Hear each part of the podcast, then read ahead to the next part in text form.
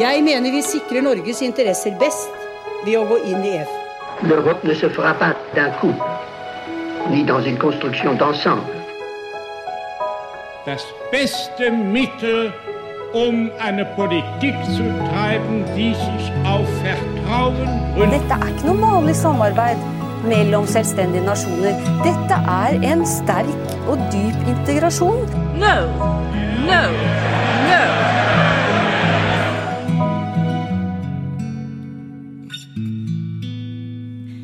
Velkommen til Det europeiske kvarter, en podkast om europeisk politikk og historie med Lise Rye og meg, Kristine Graneng, på europastudier på NTNU. Forrige episode så har vi besøk av vinneren av eh, årets beste bacheloroppgave i europastudier, og nå er tida kommet for den beste masteroppgaven. Og vi skal inn i et uh, veldig spennende tema. Vi skal holde oss i det her området som handler om de store utfordringene som Europa står overfor. Men nå så skal vi snakke om klima og energi først og fremst. Og for dem som ikke har hørt den uh, forrige episoden, så kan vi jo si at det her de, de her prisene det er jo et samarbeid eh, Europastudiet har, sammen ja. med EUs delegasjon til Norge. Det er det. Eh, vi har samarbeida med EUs delegasjon til Norge i mange år nå eh, om denne prisen for beste masteroppgave og beste bacheloroppgave. Den deles ut eh, hvert år. Eh, vinneren kåres av en komité som består av tre tre akademikere, og årets vinner av beste masteroppgave, det er også dagens gjest som er Eirin Anette Becker. Velkommen til, til, oss, Eirin. Hei, og tusen takk. Og du, du sitter i Berlin, har vi uh, hørt. Og det passer jo veldig bra når vi skal snakke om tysk energipolitikk. Ja, det stemmer. Eh, etter avslutta mastergrad så har jeg fått meg en veldig fin og relevant jobb her i Berlin, hvor jeg også holder på med en del energipolitikk. For det du har sett på i, i masteroppgaven din, det er jo hvordan de tyske regjeringspartiene, altså de her eh, Ampel-partiene som de gjerne kalles, eh, har snakka om energipolitikk. Og mer presis så har du sett på hvordan de her partiene kommuniserer bærekraft og EUs beslutning om å inkludere gass og kjernekraft i EU sin taksonomi. Ja, vi syns jo det her er superinteressant, selvfølgelig, men det er også en oppgave som griper an til veldig store og sentrale tema. For det, på ett nivå så handler jo det her om EUs grønne skifte og målet om at EU skal bli klimanøytralt innen 2050. Men det handler også om Tyskland sitt eget grønne skifte, og det handler om et land som lenge var svært avhengig av import av russisk gass og som etter lange diskusjoner og mange twist and turns har eh, stengt ned samtlige av sine kjernekraftverk. Og, og når vi hører det her, Eirin, så er det jo ikke så overraskende at du hadde lyst til å skrive om det temaet. Men, men det er jo masse man kan skrive om når man, man skal skrive en masteroppgave. Så derfor syns vi det er veldig spennende å høre om hvorfor du valgte akkurat det her. Sånn utover at det er et superrelevant tema. Ja, utover de, de siste åra så har jeg nok utvikla en interesse for eh, både klima- og energipolitikk eh, i løpet av studiet.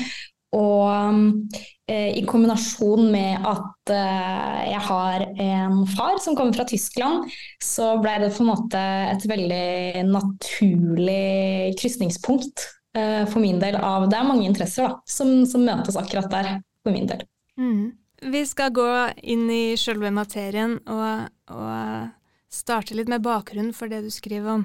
Noen av dere eh, vil kanskje huske at i en tidligere episode så hadde vi besøk av ei dame som heter Hailey Dyrstad, og hun fortalte om arbeidet, eller sitt arbeid med EU sin taksonomi.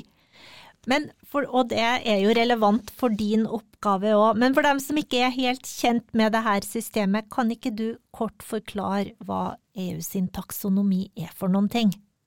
Ja, nettopp. Altså, EU eh, e sin eh, taksonomi ble eh, presentert i 2020 som en, en, del av det større prosjektet European Green Deal. Og på en måte i et nøtteskall så er jo EU taksonomi et klassifiseringssystem som da avgjør om økonomiske aktiviteter som, som selskaper utfører, om de er Eh, miljømessig eh, bærekraftige. Så, så EU-taksonomien fungerer da altså som et slags eh, definisjonsverktøy. Mm. Og i, i oppgaven din, Eirin, så, så, viser du jo til Eller mye av grunnlaget til at du, du ser på nettopp hvordan de tyske partiene eh, diskuterer bærekraftsbegrepet og, og, og um, energipolitikken opp mot det. Eh, det er jo nettopp at det er så viktig hva som blir regna som bærekraftig.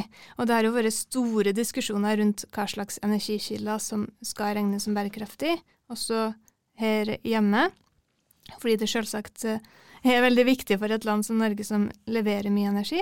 Eh, det er jo som du, som du sier at både klima- og miljøpolitikken nå har fått en viktigere posisjon på den politiske agendaen. At det er flere partier som må forholde seg til det.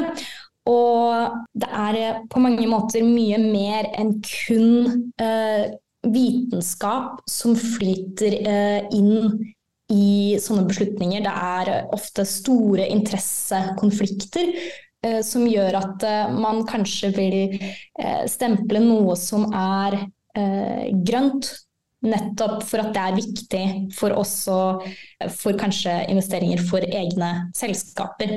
Som nevnt da, så blir hele punktet om hva som skal forstås som grønt og ikke, det, det blir, skaper en stor interessekonflikt da, mellom, mellom, ulike aktører eh, i, i samfunnet. Mm, for det, det, er mye politikk i det, ikke sant? fordi det handler om hvor pengestrømmene går, hvor, hvor, de store investeringene går. Og det her er jo en utvikling som, er, som har skjedd over tid, og som stadig er i gang. Eh, og eh, som du sa, så kom jo ned taksonomien i 2020, ikke sant? Ja. Eh, hva er det Tyskland sin rolle har, har vært i denne prosessen? Eh, altså Tyskland har jo vært tidlig ute Um, som, en, som, et land som er veldig ambisiøst med tanke på, på, klimamål. Og det er også noe som Tyskland gjennom sin størrelse og økonomiske styrke og politiske innflytelse på mange måter har, har påvirka EU.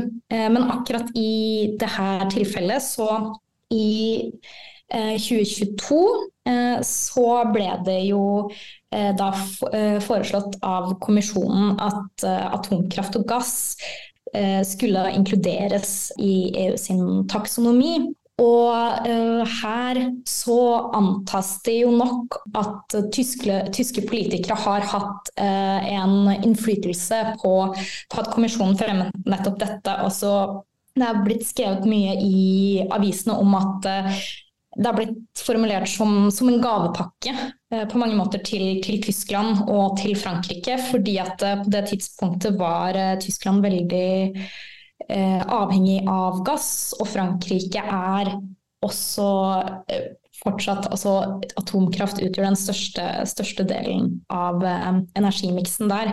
Så, så, det er jo lett å tenke seg at det har vært, at det har vært en påvirkning fra både tysk og fransk side med akkurat det. Du var litt inne på det, Eirin, at Tyskland har vært eh, ambisiøs på klimafeltet og vært en pådriver for et grønt skifte i EU. Men kan du si noe om hva har, hva har situasjonen vært i Tyskland, altså energimessig? Hvordan har energisituasjonen i Tyskland egentlig sett ut de siste årene før krigen i Ukraina? Altså når vi snakker om eh, gass og atomkraft, har Tyskland en veldig lang historie med, med begge de to typene energi. Um, hvis man skal starte med gass, da, så etablerte det seg uh, allerede ganske tidlig på, på 1900-tallet. Og på 1970-tallet så Tyskland, begynte Tyskland å føre en tilnærmingspolitikk uh, overfor Sovjet. Eh, hvor en viktig del av det var også å eh, samarbeide om, om gassleveranser til, til, Tyskland. Og i kombinasjon med at eh, det tradisjonelt sett har vært veldig stor motstand mot eh, atomkraft i Tyskland, så har på en måte gass gjennom det fått en enda viktigere rolle.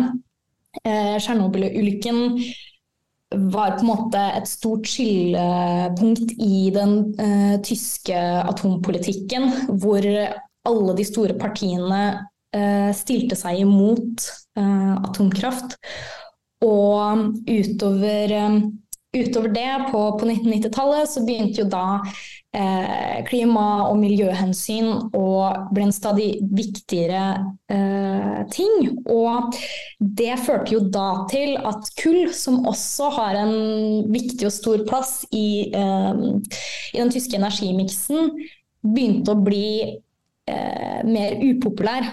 Eh, og det igjen også ga førte til at gass um, fikk en stadig større rolle um, i den tyske uh, energimiksen. Og igjen uh, helt tydelig at uh, Tyskland fram til krigen var veldig, veldig avhengig av gass. og Mesteparten av den gassen kom direkte fra Russland, noe som jo skapte en, en krise i Tyskland med tanke på energi egentlig helt uten sidestykke eh, etter at eh, Russland invaderte Ukraina i 2022. Eh, Så den her, det som ofte omtales som et energivende i Tyskland, og som vi har hørt mye om de siste årene, det har en, det har en ganske lang historie, egentlig.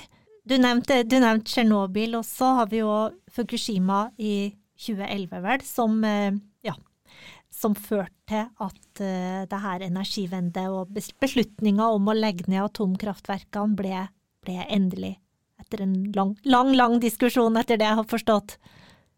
Ja, nettopp. Og um, energivendet, uh, som, som, jo da heter på en måte vendepunkt, uh, energivendepunkt, har jo, er jo et prosjekt i Tyskland som som har gått over flere tiår og over flere, flere regjeringer. Um, som, som, som, innebærer flere ting, som innebærer nettopp også uh, med at uh, spesielt etter Fukushima at det ble, et, uh, at det ble satt et tydelig sluttdato for, um, for atomkraft, og siste atomkraft Eh, generatoren ble jo eh, tatt av nettverket nå i vår i Tyskland.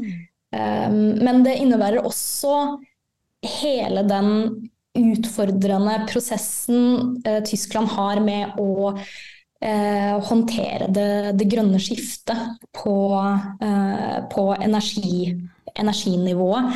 Som også innebærer en stor omstrukturering av, av Eh, hvilke energikilder som blir brukt, bl.a. et stort skifte mot eh, fornybar energi. Undersøkelsen du har gjort i oppgaven din, Eirin, den tar jo for seg en ganske liten bit av den her lange historien, men, men en, en, veldig viktig periode. Eh, den dekker det første halvåret av 2022. Og det er jo ikke et tilfeldig valg. Hva var det som skjedde det halvåret som har betydning for diskusjonene i Tyskland om taksonomien og energikilder? Ja, også det mm, som var utgangspunktet for det, var jo at EU-kommisjonen eh, e de presenterte i, eh, i starten av 2022 eh, la de fram forslaget om inkluderingen av, av atomkraft og gass. Og utover måte, det hele neste halvåret um, var Eh, da den tida hvor land hadde mulighet med å komme tilbake med innspill til kommisjonen. Og i juli var det da en avstemning i EU-parlamentet. Og det var også i juli at uh, rådet hadde frist uh, uh, for, for, å eventuelt stille seg imot um, det forslaget som kommisjonen gjorde. Ehm, så, så, hele eh, lovgivningsfasen foregikk i løpet av det halvåret. Og det er det halvåret hvor Tyskland da eh, i så fall kunne hatt en påvirkning på, og tyske politikere eh, påvirkning på den prosessen. og så klart så syns jeg jo også at det var et veldig interessant tidsrom, fordi at jeg var veldig nysgjerrig på å se om det at den russiskledede krigen i Ukraina, om og på hvilken måte det kanskje hadde hatt en innflytelse på, på hele den debatten i, i Tyskland. Mm, fordi som, som, du sier, så, så, var jo Tyskland veldig sårbar når gassen fra Russland eh, ble begrensa. Eh, og det her var jo også noe som var tatt med inn i, i diskusjonene om EU-taksonomien, som, som eh, du allerede har nevnt. Og det var jo ganske store diskusjoner mellom medlemslandene i EU om hva som var de beste løsningene. Eh, og du har også nevnt allerede, Eirin, at, at Frankrike hadde et ønske om at kjernekraft skulle, skulle, inn i taksonomien, at det skulle regnes som, som, som bærekraftig, fordi den var så avhengig av kjernekraft. Og, og som du har visst, så var jo Tyskland veldig for at gass skulle inn men ikke så, ikke så opptatt av at kjernekraft skulle, skulle, inn i taksonomien, hvis jeg har forstått det rett. Ja, det, det stemmer. Også i, i, Tyskland har det vært uh, veldig mye motstand uh, mot, mot, kjernekraft. Og det er uh, spesielt etter Fukushima et tema som ingen partier har tørt uh, egentlig å ta helt uh, tak i, fordi det har vært så stor motstand mot det i den tyske, tyske befolkningen. Um, det som er interessant, er at utover og mot slutten av 2022 så begynte man å se en forandring um, i den tyske befolkningen med tanke på, på innstilling til, til, kjernekraft, noe som er eh, veldig interessant med tanke på at det har vært så lenge har vært en så sterk posisjon mot, mot kjernekraft. Da. Eh, din oppgave Eirin, den viser jo at uenigheten om hva som skal defineres som bærekraftig og ikke, den går ikke bare mellom land, sånn som vi har sett at den har gjort i EU, eller, eller mellom posisjon og opposisjon, men den går også mellom regjeringspartiene. Så alle Partiene i Tyskland er enige om at klimaendringene må begrenses, men de er uenige om hvordan. Og så er de særlig uenige om hvorvidt gass skal være bærekraftig, skal defineres som bærekraftig eller ikke. Eh, er det, er det sånn? Har jeg forstått det riktig? Ja, um, den, den, tyske regjeringa er jo satt sammen av eh, sosialdemokratene, de liberale og de grønne, og, og blir derav også ofte kalt uh, trafikklysregjeringen. Um, og det er jo tre partier som uh, ideologisk sett har, har, store forskjeller. Og det er også noe som, som man i Tyskland har godt kunne observere de siste åra som de har regjert, og også denne her debatten rundt eh, da spesielt om gass skulle bli en del av EUs eh, taksonomi, eh, utløste da ulike reaksjoner hos, hos partiene. Blant annet så Kanskje ikke overraskende nok, så var det liberalpartiet for at gass skulle klassifiseres som bærekraftig.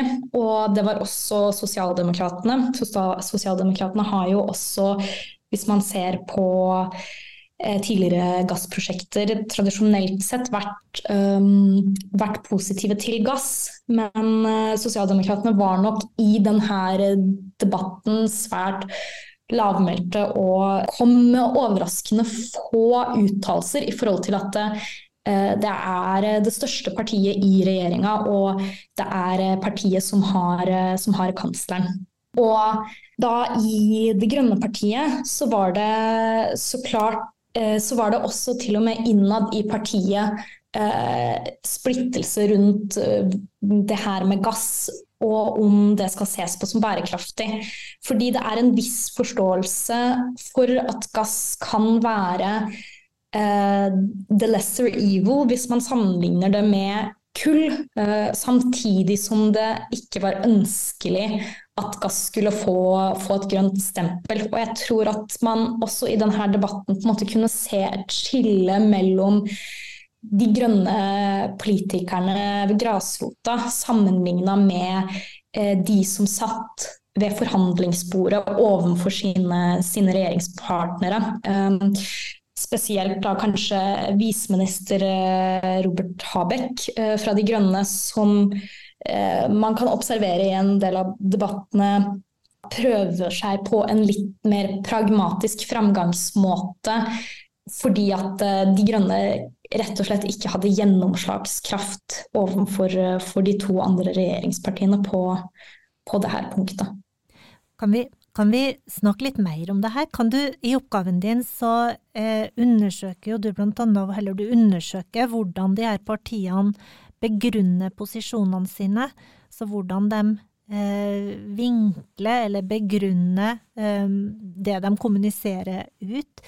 Kan, kan, du fortelle litt om det? Så hvordan de eh, forsvarer politikken sin, for å si det litt enkelt? Ja, altså Det som, som er interessant, er at uh, alle partiene uh, i den debatten forholder seg veldig mye til, um, til miljøargumentet. Altså er det her bærekraftig, er det ikke bærekraftig? Kanskje til sammenligning på at det man på en måte kan observere et, et, skille med at det er en slags aksept om at det her er en debatt som handler om, eh, handler om et viktig miljøtema, og at man ikke avfeier det som at miljøpolitikk ikke er viktig eh, i utgangspunktet. Mm. Mener du da at man argumenterer ut ifra klimaet? Ja, eh, eller det er jo det som forsøkes å gjøre. Spesielt eh, de liberale hadde et par veldig direkte utsagn tilknytta om at gass er eh, et miljøvennlig alternativ.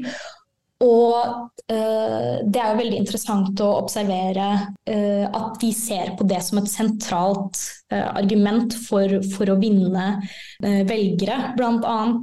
ved å si at vi må ha gass fordi vi mener at det er, er bærekraftig. Ovenfor f.eks. kanskje argumenter som er tilknytta til energisikkerhet eller økonomiske hensyn.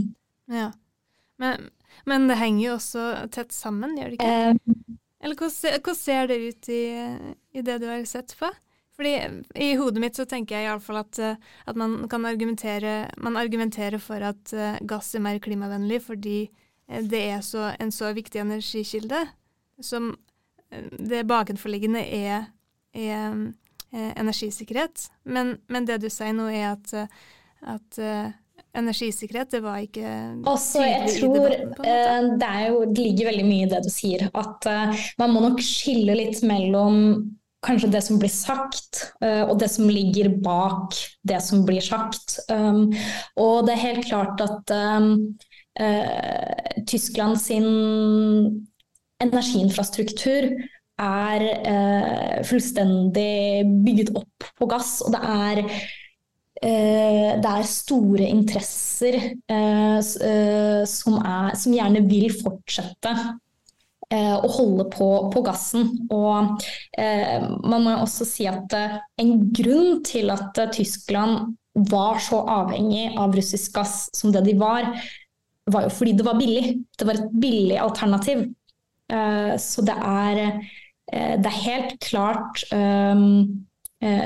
både Eh, økonomiske eh, og eh, strategiske og ideologiske faktorer som ligger bak den ordleggingen. Um, igjen, så Det er derfor jeg tenker at det interessante med oppgaven er at det på en måte belyser litt det her punktet med at uh, hvordan, hvordan, man skal forstå ordet bærekraftig kan, og det at alle egentlig kan ta det ordet i, i, munnen og forme det litt sånn som, som, det passer dem, da.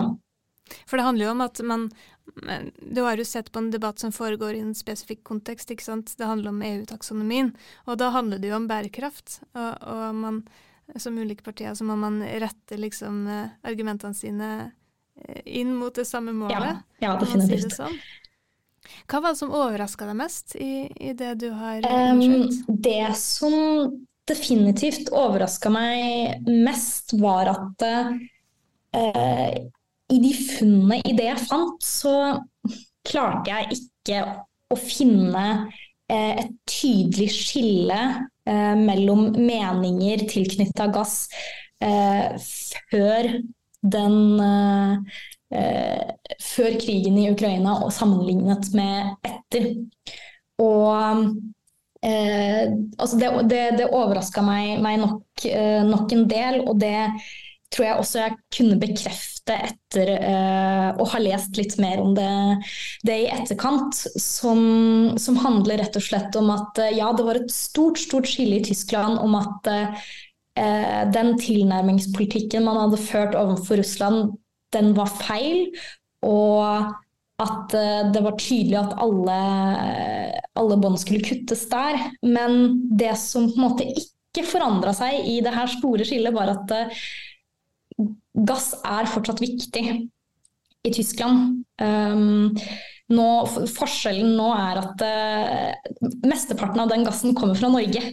Det er jo kjempe, kjempespennende. Så, så, det du sier, er at det har vært mer et brudd med Russland enn et brudd med, med gassen? For, for ja, nettopp, sånn. nettopp. Og det er nok uh, en del um, forsøk, uh, også fra uh, minister Robert Habeck, som han er minister for Klima- og energidepartementet i Tyskland. og som også forsøker nå å definitivt ruste Tyskland opp mot, å, eh, mot en overgang mot hydrogen eh, og mye fornybar energi. Og det de da kaller eh, de for å komme seg dit, så, fordi Tyskland er jo ikke der ennå, så vil Tyskland jo fortsatt trenge energi. Og det er på en måte innforstått at fram til Tyskland klarer å nå det skiftet, så vil gass fortsette å spille en, en viktig, viktig rolle i Tyskland. Du Eirin, det går ikke så bra med den tyske økonomien eh, om dagen. Tyskland er jo inne i en periode med økonomisk stillstand, for ikke å si i resesjon. Men eh, vet du noen ting om hvor sterk, om hvorvidt viljen da, blant innbyggerne i Tyskland til å føre en eh, grønn politikk fortsatt er like sterk? Altså, det er jo et av de veldig store spørsmålene som, som debatteres i Tyskland akkurat nå. Um, fordi i løpet av det siste året så har både klima- og energipolitikk, som jo er så, eh, som henger så tett sammen. Det har blitt veldig politisert, og det har vært mye og høylytt kritikk fra, fra opposisjonen. Og det som er på mange måter beuroligende nå for, for Tyskland, er jo at eh, Eh, det høyreekstremistiske partiet Alternative for Deutschland har uh, sine beste oppslutninger uh, nesten noensinne. De ligger på, på rundt 20 mens regjeringspartiene uh, ligger på veldig, veldig lave verdier. Og her har det nok vært en stor debatt rundt om at har Um, har klima- og energihensyn har det tatt for for, for mye plass i politikken? Har det blitt kommunisert for dårlig? Um, fordi jeg tror at det har ført til at spesielt mye av klima- og energipolitikk er også Det er jo et vanskelig, det er et komplisert tema. Og det å kom, eh, kommunisere det uh, på en måte som også gir, gir mening og som gjør at en befolkning har en forståelse for hvorfor tiltak blir gjort, er nok um, veldig viktig. I tillegg så har regjeringa ført uh, ganske mange uh, konflikter på åpen scene uh, i Tyskland. De har ikke klart å løse utfordringene sine på bakrommet. Og ja, som sagt, Den store debatten nå er på en måte eh, hvem skal man legge skylda på for at eh, det her høyreekstremistiske partiet står så sterkt eh, i et land som historisk sett har veldig dårlige erfaringer med det. Mm. Og det har jo, Mange av de mer konfliktene i, eh, i regjeringa har også dreid seg om klima, sånn som jeg har forstått det, som følger det litt på avstand. Du hadde jo diskusjoner bl.a. om når de her siste Eh, kjernekraftverkene skulle, skulle stenges ned. Det, det ble jo utsatt eh, med iallfall et halvår, hvis jeg husker riktig.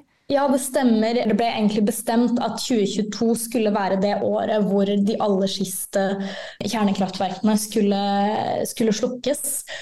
Og um, den vinteren var nok uh, usikker for Tyskland fordi at det var den første vinteren uh, uten russisk gass. Uh, så man var veldig usikker på om strekker ressursene til. Og der var det en veldig stor debatt hvor, hvor de grønne var tydelige på at nei, uh, kjernekraftverkene skal slokkes til slutten av 2022. Og hvor de liberale da nok var veldig tydelige på at de ville utsette det gjerne flere måneder, muligens år. Og da kom eh, kansler Olaf Scholz inn og sa at eh, vi fortsetter nå i løpet av vinteren, og så ble det sluttdato eh, i april da, i, nå i 2023.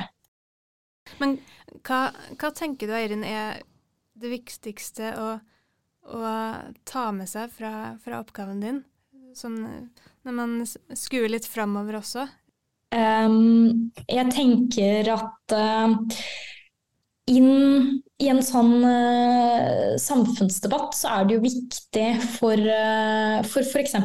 også velgere uh, å kanskje ha en forståelse for, for interessene som, som, ligger bak, um, bak bakom grunnen til at partier definerer bærekraft på den ene eller den andre måten. I tillegg så tenker jeg at det er viktig å, å huske på at alt ettersom hvordan vi velger å definere bærekraft, så vil det være helt avgjørende for, for problemstillingen som utformes, og for de løsningene vi velger å ha på den eh, problemstillingen. Og jeg tenker at det er noe som, som er viktig å ha i bakhodet ved, ved ganske mange miljøpolitiske avgjørelser. Uh, og det er uh, Ser vi på det temaet her fra, fra en riktig vinkel nå? Um, kan, det ligge, kan det ligge bestemte definisjoner eller interesser bak for at vi tar for oss akkurat det punktet her, og ikke har kanskje et mer helhetlig bilde av, eh, av, saken. Så det handler om å ha, ha, forståelse om hva som ligger bak måten politikere da, i dette tilfellet snakker om, snakker om, saker. Og det er jo noe man kan ta med seg, ikke bare i klima- og miljøpolitikken, men, men også andre sammenhenger. Gratulerer igjen, Eirin, med en skikkelig bra oppgave. Og tusen takk for at du ville snakke med oss. Tusen hjertelig takk. Vi skal dele oppgaven din på Facebook-sida vår. Og så, Lise, du nevnte jo den episoden vi laga om eh, EUs klimapolitikk og, og bærekraftrapportering. Eh, ja, ja, stemmer det. Eh, tidligere. Den, den, vil vi anbefale at man tar en titt på, hvis man er interessert i å vite mer om det her. Ellers så her har jeg også lyst til å gi et uh, lite pek videre til en annen podkast som jeg liker veldig godt, Tyskerne, som, som har uh, ofte gode episoder om, om det temaet. De har snakka en del om, uh, om kjernekraft og, og, Tyskland, annet. Så det vil jeg anbefale. Ja. Det var vel alt for oss for denne gangen. Mm. Tusen takk igjen, Eirin. Og lykke til, til videre med, med livet etter master. Tusen takk. Takk for at jeg fikk komme.